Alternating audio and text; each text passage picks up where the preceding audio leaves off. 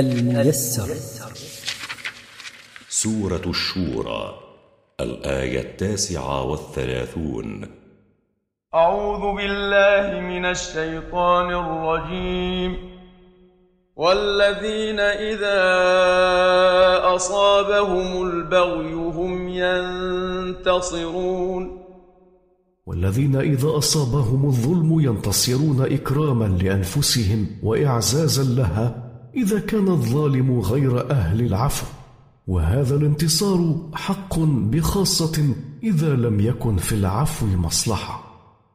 وجزاء سيئة سيئة مثلها فمن عفا وأصلح فأجره على الله إنه لا يحب الظالمين.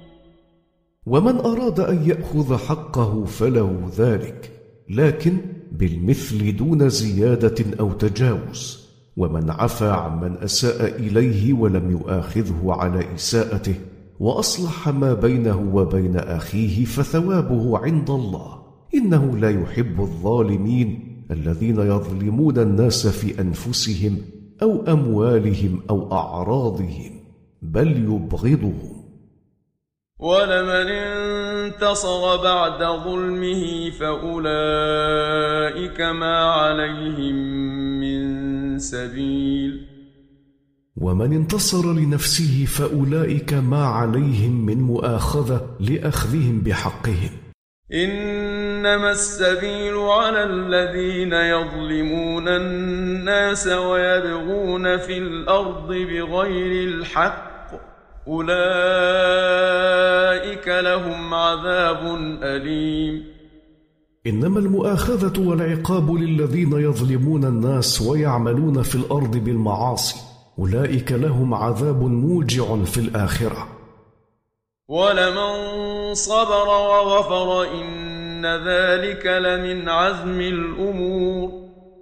وأما من صبر على إيذاء غيره له وتجاوز عنه فإن ذلك الصبر مما يعود بالخير عليه وعلى المجتمع وذاك أمر محمود ولا يوفق له إلا ذو حظ عظيم.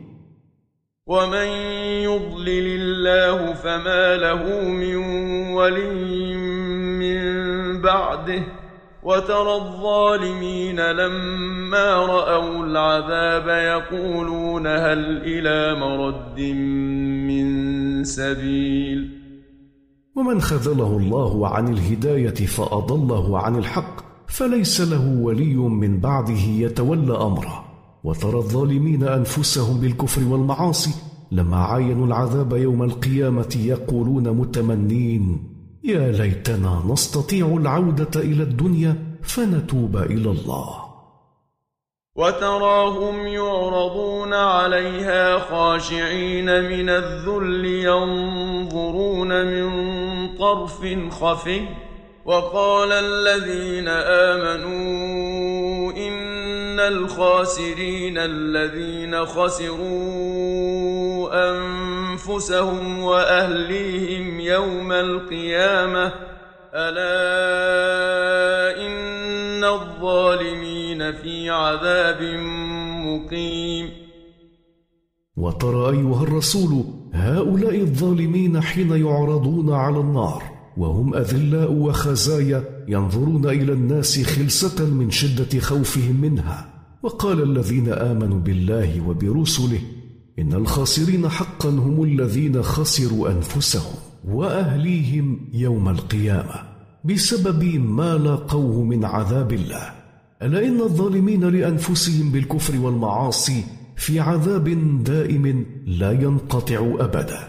وما كان لهم من أولياء ينصرونهم من دون الله ومن يضلل الله فما له من سبيل.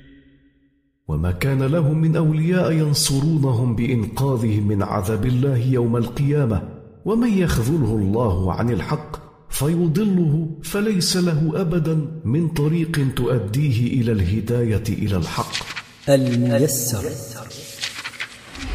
مركز تفسير للدراسات القرآنية.